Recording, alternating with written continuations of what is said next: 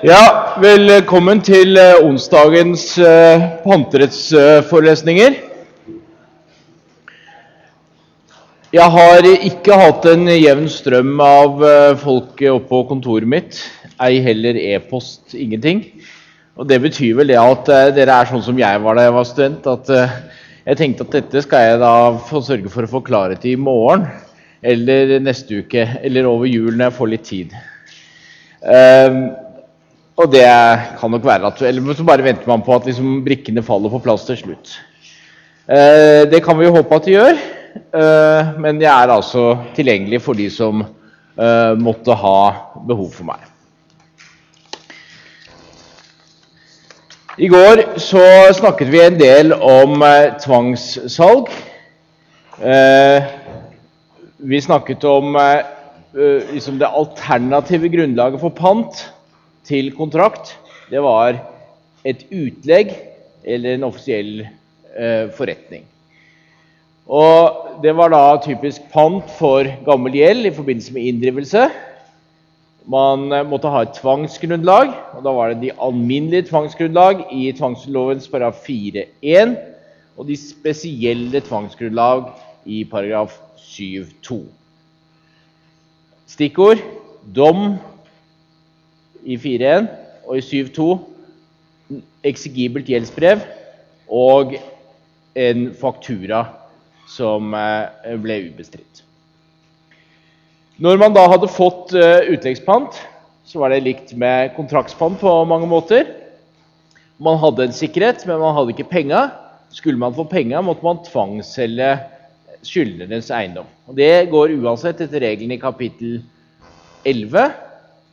Og grunnlaget for salget etter det vanlige systemet det er kapittel 11.2, eh, eller paragraf 11.2 om de spesielle tvangsgrunnlag.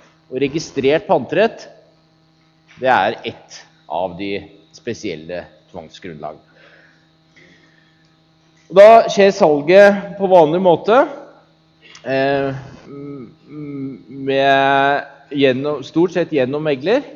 Og der kan man kjøpe og få en, en rimelig trygg, eh, et rimelig trygt arbeid. Så begynte vi å snakke litt om eh, eh, pantsettelse av eh, fast eiendom. Eh, I eh, den fjerde delen blir vel det pant i deler. Og utgangspunktet er at når det er flere rettighetshaver til eiendommen, så kan man pantsette også de enkelte deler. Følger uttrykkelig av paragraf 2-5 og kapittel 2 i pantelov. Men det man ikke kan gjøre etter 2.1, det er å pantsette en særskilt fysisk del. Det skal altså være en samsvar mellom registreringsenhetene og ø, panteheftelsene. Men en ideell andel kan man pantsette. Så hvis man er sameier, så kan man pantsette bare sin sameierpart.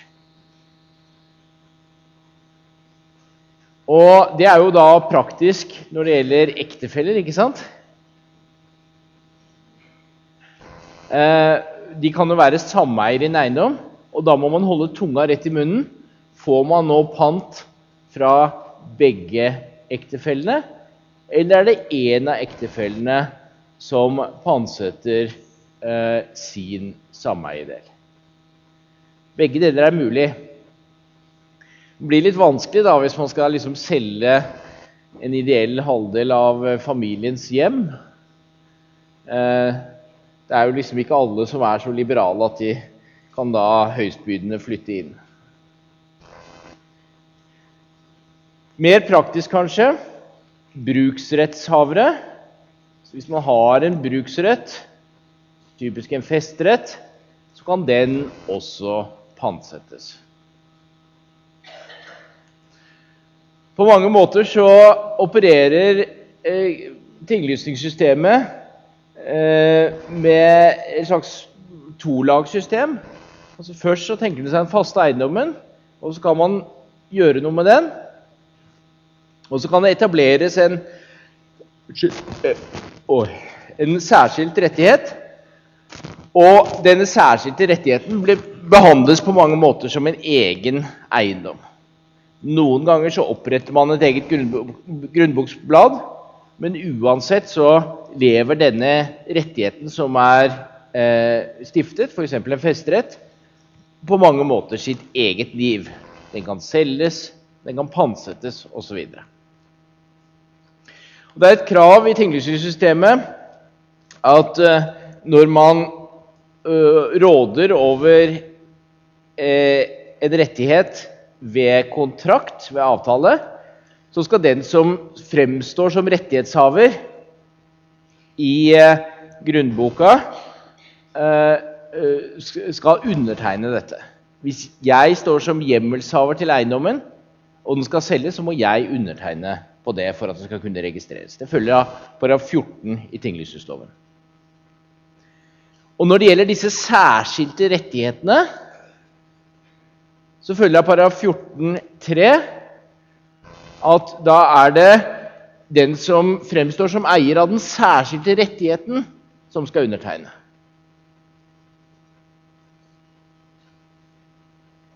Så man kan altså pansette en festerett i prinsippet uten samtykke av grunneieren. Men så kan det jo stå i festeavtalen da, selvfølgelig, at pantsettelse eller salg osv. krever samtykke. Men etter tinglysningslovens regler så er det ikke nødvendig.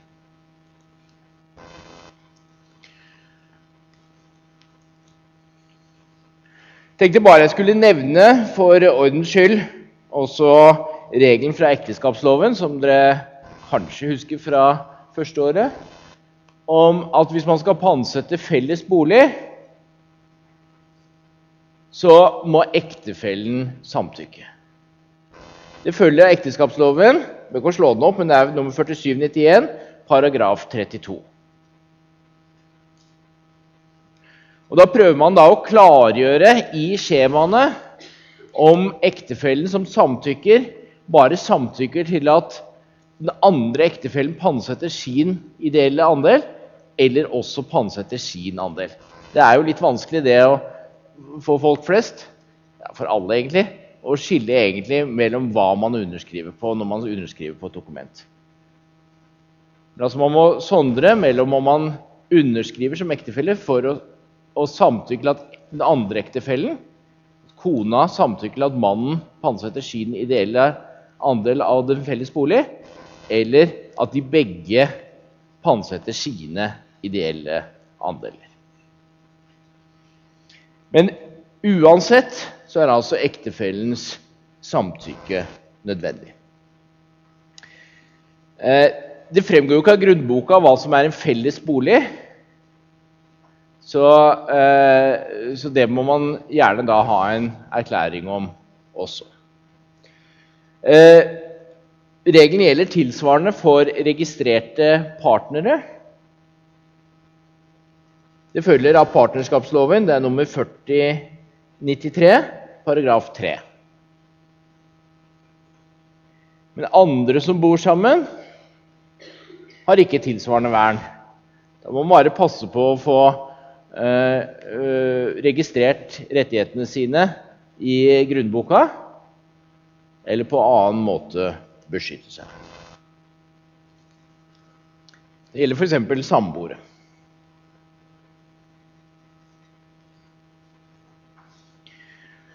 Ok, nå var det pant i deler av fast eiendom. Nå skal vi snu litt på flisa, og så skal vi se på pant i servitutter som ligger til en fast eiendom.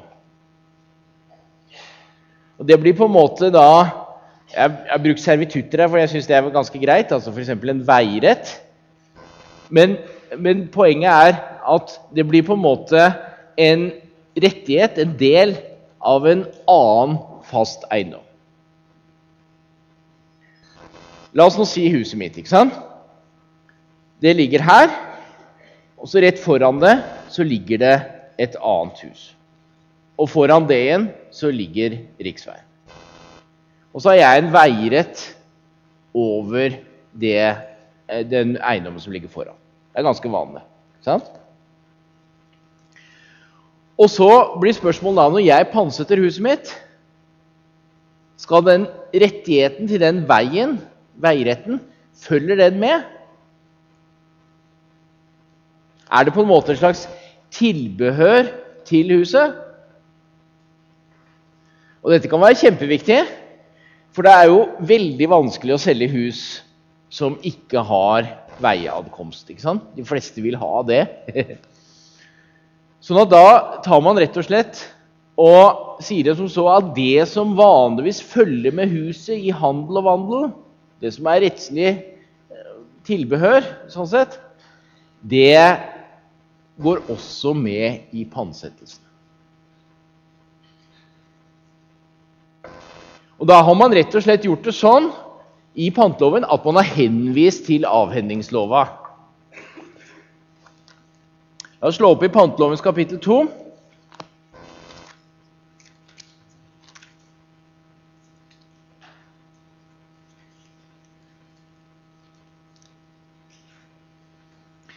Paragraf 2.2 c.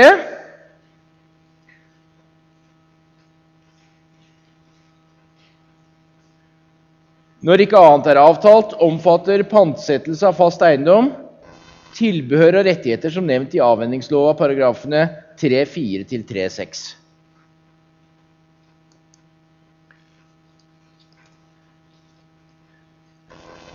Og Det vil da si at denne veirettigheten over naboeiendommen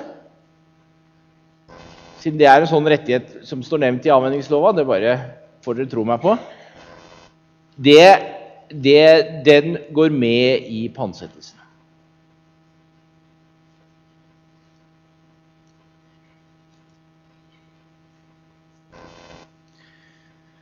Så langt er alt greit og logisk. Så ser vi på rettsvernet. for denne. Hvordan får denne panteretten rettsvern? Jo, det følger den alminnelige regler med tinglysning i grunnboken, paragraf 2,5.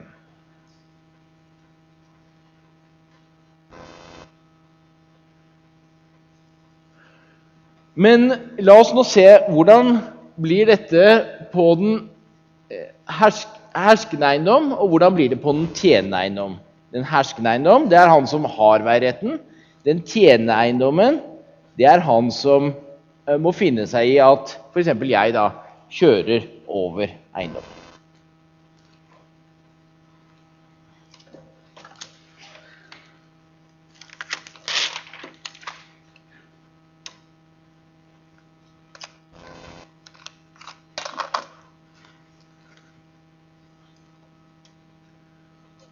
Her er den herskende eiendommen. Her er den tjenende eiendommen.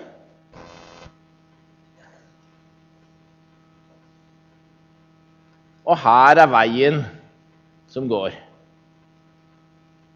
Veirett. Sant? På denne eiendommens eh, grunnboksblad så tinglyses pantretten. Og etter 2.2 så omfattes veiretten. Men hvordan blir det på denne eiendommens grunnboksblad? Synes panteretten der? Det pussige er at sånn som bestemmelsene leses og beskrives i litteraturen, så, så skal det ikke tinglyses noe der.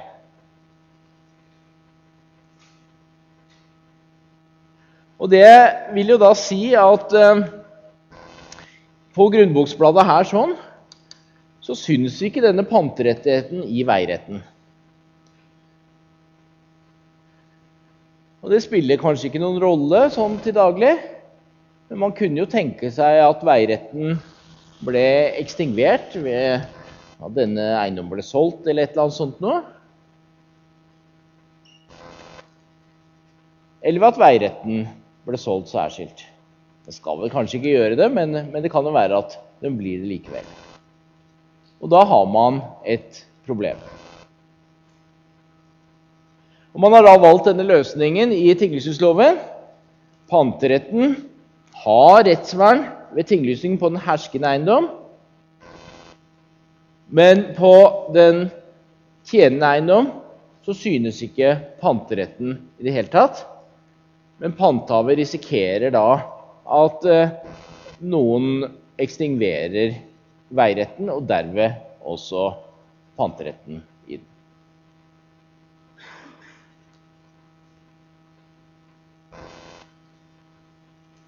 Så det er altså et mer sånn tinglysningsteknisk problem, eh, som kan bli et praktisk problem, for eh, de tilfellene hvor at man har eh, pant som omfatter rettigheter på en annen eiendom.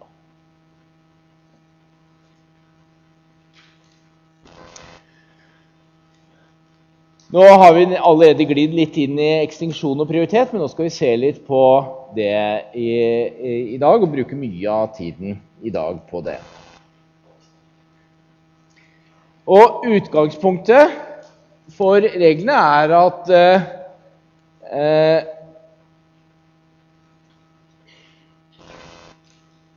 den som eh, avtaler en ting, en panterett f.eks., han mister ikke denne rettigheten pga. etterfølgende omstendigheter. Har jeg avtalt med deg at jeg skal ha panterett i din eiendom, så mister jeg ikke denne rettigheten. Og det er rett og slett bare det at panteavtaler, som mange andre avtaler, er bindende. Det vil si at hvis du da finner ut at det er en annen som bør ha en bedre panterett enn det jeg har, så kan ikke du gi det. Om de som du skylder penger, finner ut at de har mer krav på eiendommen enn det jeg som pantehaver har, så kan ikke de ta det. Det er regelen først i tid, best i rett. Og Vi behøver ikke bli veldig filosofiske over det. Vi kan bare konstatere at sånn er det. Noen mener at det må være sånn. Eh, det vet jeg ikke om jeg er enig i, men det spiller ingen rolle. Jeg er ikke så veldig filosofisk anlagt. Så jeg bare sier at det er helt klart at det er utgangspunktet for vår tenkning her. Først i tid, best i rett. Men så har vi allerede sett at uh, panteretten uh, uh, må tinglyses. Og det er fordi at den skal få vern mot etterfølgende omstendigheter. Og disse reglene om som krever tinglysning og knytter ekstinksjonen til dem, det er altså unntak fra hovedregelen om først i tid, best i rett.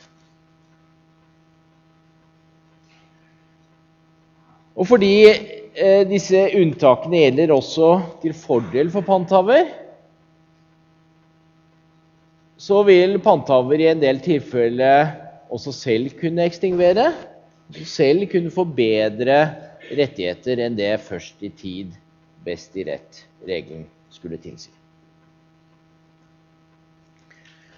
Så unntakene fra først i eh, tid, best i rett, det gjelder både eh, til fordel for panthaver, og det gjør at hans rettighet kan falle bort dersom eh, den ikke beskyttes. Og da er det to, Som dere har vært borti nå, så er det to grunnleggende sondringer vi bruker her. Det ene er skillet mellom kreditorer og omsetningserververe.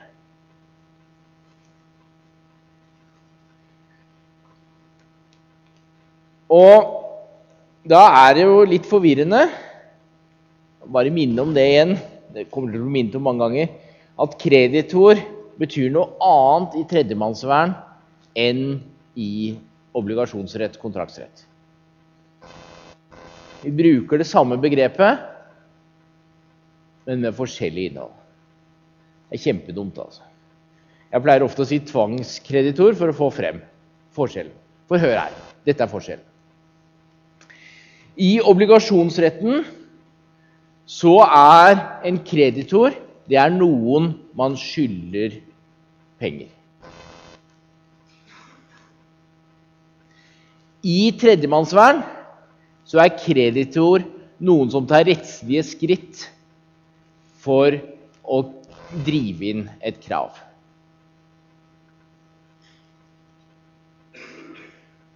Så i tredjemannsvern så betyr tvangskreditor det betyr ikke alle man skylder penger, men det betyr de som tar, begjærer konkurs eller tar utlegg eller på annen måte eh, tvangsfullbyrder kravet. Og Dette vil da si at banken som har gitt meg et huslån, er min obligasjonsrettslige kreditor, men fordi de, øh, kreditten bygger på en kontrakt, og pantet bygger på en kontrakt, så er det ikke en kreditor i, øh, i tredjemannsforstand. Og Grunnen til at man har denne litt øh, merkelige begrepsbruken, det er altså det at det er forskjell på de rettspolitiske hensyn som gjelder. Det er stor forskjell på de hensyn som gjelder for å avgjøre om en bank som har pant i min eiendom, skal være beskyttet mot andre kreditorer som kommer, altså i mitt konkursbo. Og situasjonen om banken er beskyttet overfor f.eks. en som kjøper eiendommen min. Så sondringen her bygger på et, et rettspolitisk grunnlag. Jeg prøvde å antyde det innledningsvis ved Alibaba. Husker du det? Altså, Alibaba som står utenfor røverhulen og ser på alle eh, eller, Og ønsker seg å stjele alle, eller ta tilbake, eller hva det er for noe, alle godene som er der. Det blir på en måte en eh, omsetningserverver. Eh, kan, kan, han på en måte fjerne gode fra skyldneres formuessfære. Men så er det spørsmål om fordelingen mellom kreditorene. Da er vi inne i røverhulen. Og spørsmålet skal banken kunne beskytte haugen sin mot de andre røverne, de andre kreditorene. Eller mot kreditorene i det hele tatt.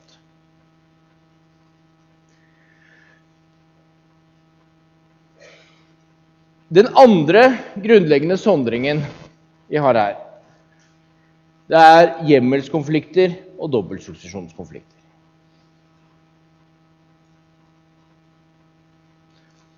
Og da tenker vi oss at eh, det er stor forskjell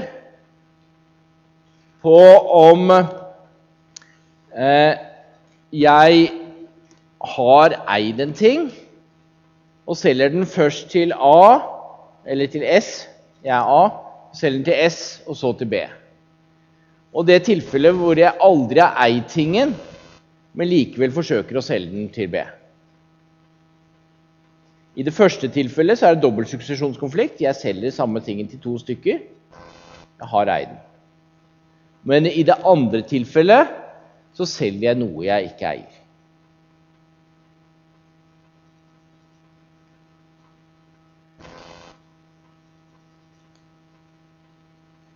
I, ehm, eh, I forhold til omsetningserververe så tillegger vi denne sondringen mindre betydning. Men i forhold til eh, tvangskreditorer så tillegger vi den stor betydning. Vi tenker oss at eh, hvis jeg er en konkursskyldner så eh, er det viktig at konkursboet ikke kan beslaglegge ting som jeg f.eks. har lånt. Hvis dere har lånt bort noen bøker til meg, så kan ikke konkursboet mitt komme og beslaglegge dem bare fordi jeg har dem. Det blir en hjemmelskonflikt. Du som har lånt meg bøkene, er hjemmelsmannen. Og, og, øh, og syns det vil være helt urimelig om konkursboet kunne ta dem bare fordi jeg har dem i besittelsen. Men så tenker man seg at dette blir noe helt annet hvis øh, jeg først selger Munch-maleriet mitt til deg, og deretter går konkurs. Da blir det på en måte en dobbeltsuksesjon. Først så eh, prøver du å ta Munch-maleriet i eh, medhold av eh, en kontrakt, en salgsavtale. Og deretter så kommer konkursboet mitt og prøver å beslaglegge det samme Munch-maleriet. Og da tenker man seg at her må vi være litt forsiktige. For det er så innmari lett at når noen går konk, så sier du ja, men det Munch-maleriet det solgte jeg jo til broren min i forgårs. Så uheldigvis, det kan dere ikke ta. Og liksom eh, så går det videre sånn med alle liksom, Jaguaren, diamantringene, pelsene, alt sammen. Nei, alt ble solgt i forgårs. Så det er det man prøver å unngå da, og det er derfor man sondrer veldig mellom hjemmelskonflikter og dobbeltsuksesjonskonflikter når det gjelder eh, forholdet til tvangskreditorer. La oss eh, lage en oversikt over, som viser hvordan dette blir.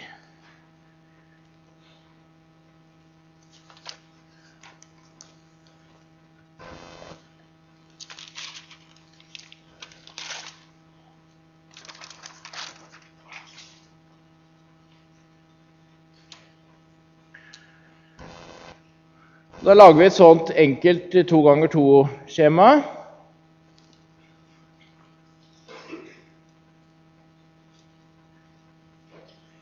Og i enesondringen her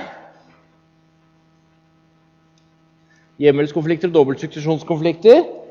Og den andre sondringen her omsetningserververe og tvangskreditorer. Hvordan blir dette når det gjelder pant i fast eiendom, og for så vidt andre rettigheter også?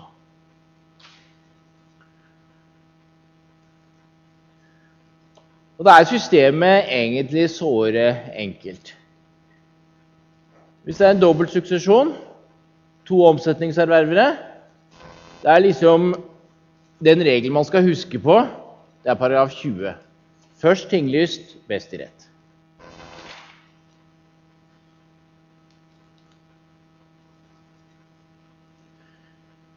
Og hvis det er en dobbeltsuksesjon med tvangskreditorer. Så først gir jeg pant til noen, og deretter går jeg konkurs. Da blir spørsmålet om det står seg, det blir et spørsmål om tinglysningslovens paragraf 23. Må tinglyses dagen før konkursåpning. Det er masse småtteri her med disse reglene, men nå bare liksom gi en fanebestemmelse som man kan knytte hver av disse rutene til.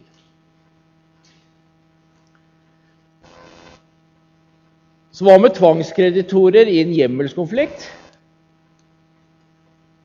Ja, Da er regelen som jeg nevnte, at det ikke er ekstinksjon.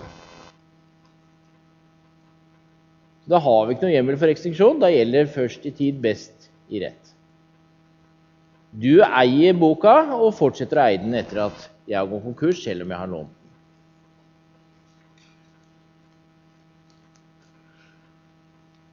Hva med omsetningserverv i en hjemmelskonflikt? Jeg prøver å pantsette en eiendom som jeg ikke eier. Den, den, som får pant, altså banken, det er en omsetningserverver. For det er, det er snakk om kontraktspant. Jeg eier den ikke, altså er det en hjemmelskonflikt. Hvilke bestemmelser er det som gjelder da? Tenk deg om ha, Har du fått oversikt over dette ennå?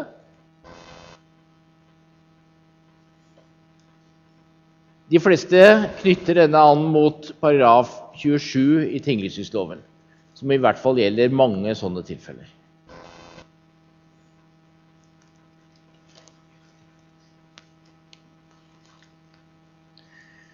Så dette her er liksom systemet her, da.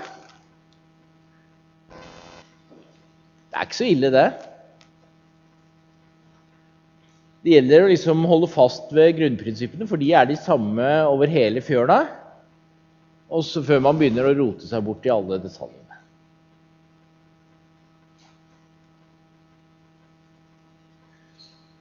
Og Det som er eh, fint her, er jo det at eh, panteretter stort sett følger de samme reglene som andre rettigheter si, hvorfor sier jeg noe dette i panterettsforelesning? Kunne ikke dette bare vært sagt i dynamisk tingsrett? Vel, dette er også dynamisk tingsrettsforlesninger. Det er rett og slett sånn at vi prøver å knytte panteretten til resten.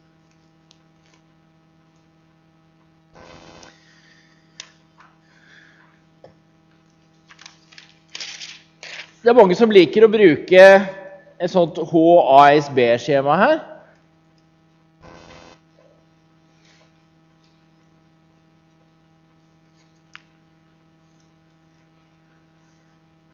Og da eh, er det sånn at en dobbeltsuksesjonskonflikt den har man mellom S og B. Og en hjemmelsmannskonflikt har man mellom H og B. H og B pleier jeg å ta, men du kan godt si H og S. Det spiller ingen rolle. Og Da er jo poenget at hjemmelsmannen her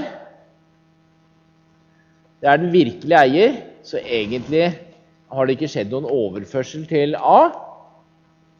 Han bare later som han er eier. Men i dobbelt suksesjonskonflikt vil han typisk ha vært eier en gang.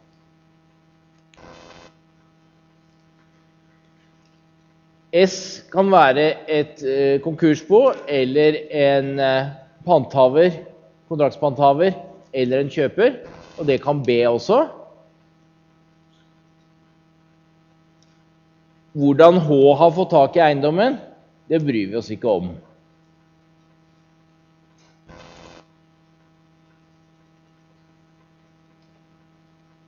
Og A er jo alltid den som er skurken, da, som har skapt problemet. Men det, pussige, det, det, viser seg det at hvis man skal prøve å gå på han med et vannhjemmelskrav, f.eks. etter kjøpsretten, da er det antageligvis eh, konk eller rømt eller et eller annet. Det blir i hvert fall ikke noe feste jus av det hvis man, hvis man, bare kan gjøre opp med han. Så det, det, det forutsetter vi at vi ikke kan.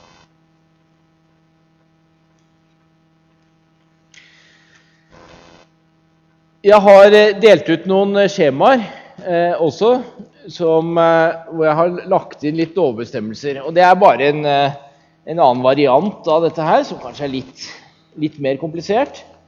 Men um, kanskje ikke dumt å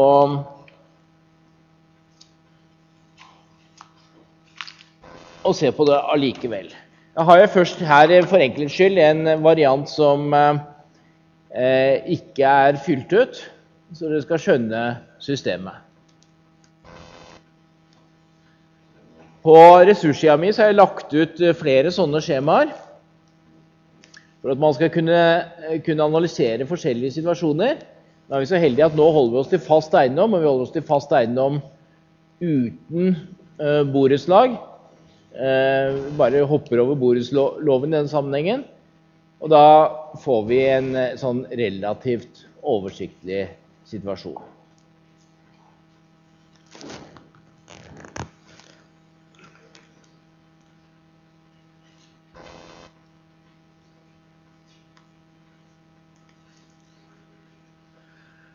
Da ser dere at uh, her vi må begynne å se, det er oppe i venstre hjørne. Og Det er nøkkelen til forståelsen av dette at uh, de som står i øverste linje, det er første erververe. Det er de som påberoper seg først i tid, best i rett regel. Og de som står nedover her, det er andre erverver. det er de som ønsker å ekstingvere. Og så ser dere sondringen mellom omsetningserververe og kreditorer. Er gjennomført den alle steder. Men, men som dere vil skjønne, så, så, er det her for de som ønsker å ekstingvere, det er, det er her den spiller en rolle.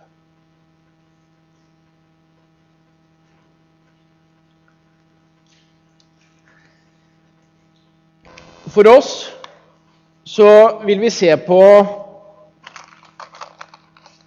Eh, to typer konflikter. Vi merker oss at vi har kontraktspant som ett av liksom de tilfellene som vi skal drøfte. Og omsetningskonfliktene vil typisk være i dette området her, mellom kjøp og pant og pant og kjøp. Hvordan står pantet seg når eiendommen Eh, kjøpes. Da har vi kontraktspant som første erverver og kjøp som andre erverver. Da har vi den ruten der som heter E3. På den annen side hvordan står eh, et kjøp seg når eiendommen seinere pantsettes? Da er vi den ruten der som heter D4. Så dette er altså et hjelpemiddel til å analysere de faktiske situasjonene. Og Det er gjerne det som er vanskelig, og så må man da etterpå finne frem til hvilke rettsregler som gjelder for den faktiske situasjonen. Men det nytter ikke å ta dette på intuisjonen, man må være nokså nøyaktig med analysen. Hvilket formuesgode dreier seg om, og hvilken konfliktsituasjon dreier seg om. Den grønne firkanten er altså ene, eh, det ene settet med regler. Og det andre det er når det er kreditorbeslag, eh, utlegg eller konkurs. Hvordan står panteretten seg da? Og Til sammenligning så tar vi med litt om kjøp òg, så da tar vi den firkanten der.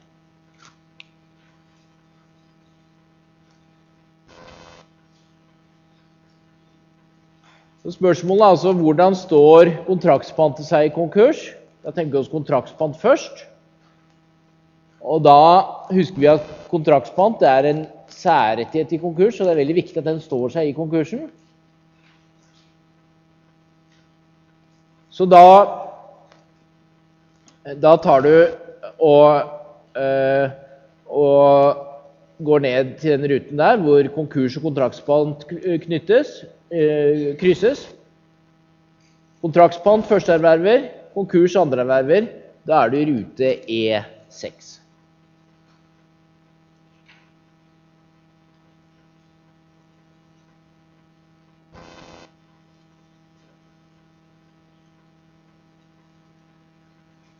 Vi skal også ta en liten titt på hjemmelsspørsmålene.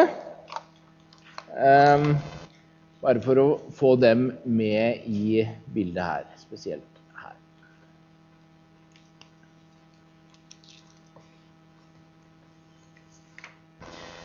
Jeg har ikke tenkt å gå gjennom hele dette skjemaet på disse forelesningene, men jeg vil forferdelig gjerne at dere skal ha en følelse av at disse reglene om rettsvern for pant de er en del av et system.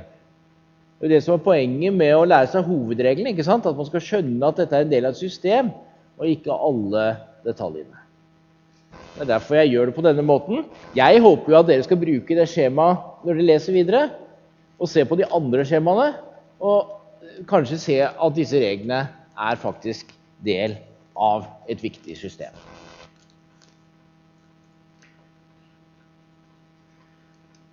La oss først se på hvordan kontraktspante står seg i eh, konkurs.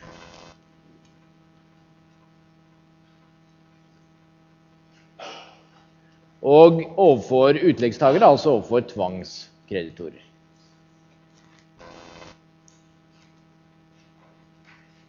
Da har vi det røde feltet her sånn. Og for at kontraktspanthaveren skal ha rettsvern overfor utlegg eller overfor konkurs, så må han ha tinglyst. Og til alt overmål så står dette flere steder. Og det er ikke enkelt for en lekmann, og heller ikke for en jusstudent, og heller ikke for en praktiker, å egentlig skjønne hvorfor man sier samme ting så mange ganger på litt forskjellig måte, og faktisk med litt forskjellig materielt innhold også. Men hovedregelen det er pantelovens 2.5. For at eh, panteretten skal kunne stå seg, så må den være tinglyst. Panterett i fast eiendom må være tinglyst.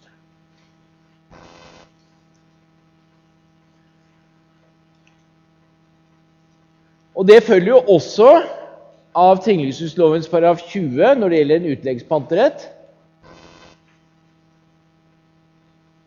Først tinglyst best i rett gjelder. Så hvis utleggspanteretten blir tinglyst før kontraktspanteretten, så må jo kontraktspanteretten vike.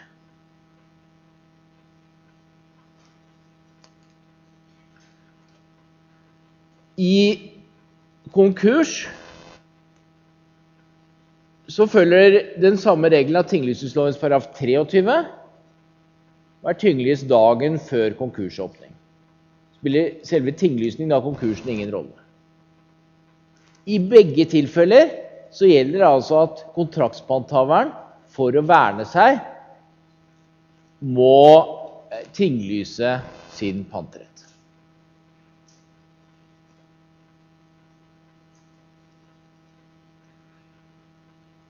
Så jeg har også tatt med en henvisning til dekningslovens paragraf 5-7 osv., som altså er regler om omstøtelse, hvor konkursboet kan si at ok, denne panteretten er tinglyst, men ble nettopp tinglyst Det var mindre enn tre måneder siden, så da omstøter vi den. Den blir på en måte ugyldig i forhold til konkursboet.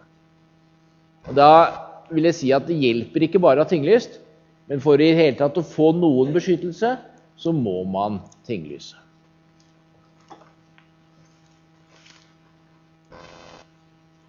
Hvorfor gjør man dette, da? Hvorfor, hvorfor krever man at panteretten skal tinglyses? Og Husker det jeg sa om den sånn generelle regelen om, eh, om eh, hvorfor man hadde en særlig regel eh, for dobbeltsuksesjonskonflikter i um, uh, når det gjelder kreditorbeslag, når det gjelder konkurs og utlegg. Det er så lett å lure konkursboet. Det er så lett å lure en utleggstaker. Så på samme måten som at skyldneren sier på, ved konkursåpning Vel, denne, dette Munch-maleriet solgte jeg til broren min i forgårs så kan han si ja, men denne eiendommen den pantsatte jeg til broren min i forgårs. Så Det er for å unngå at man lurer konkursboet. Det er derfor dette må tinglyses. Og på fint så kalles dette notoritetshensynet. Notoritetshensynet.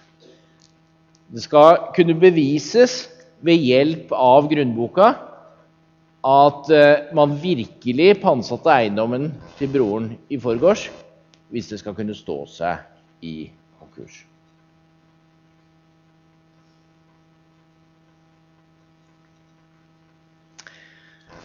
Verre er det ikke. Det er altså noen helt sånn grunnleggende hensyn. Det som er forvirrende her, er, er, og det som man må jobbe litt med, det er to ting.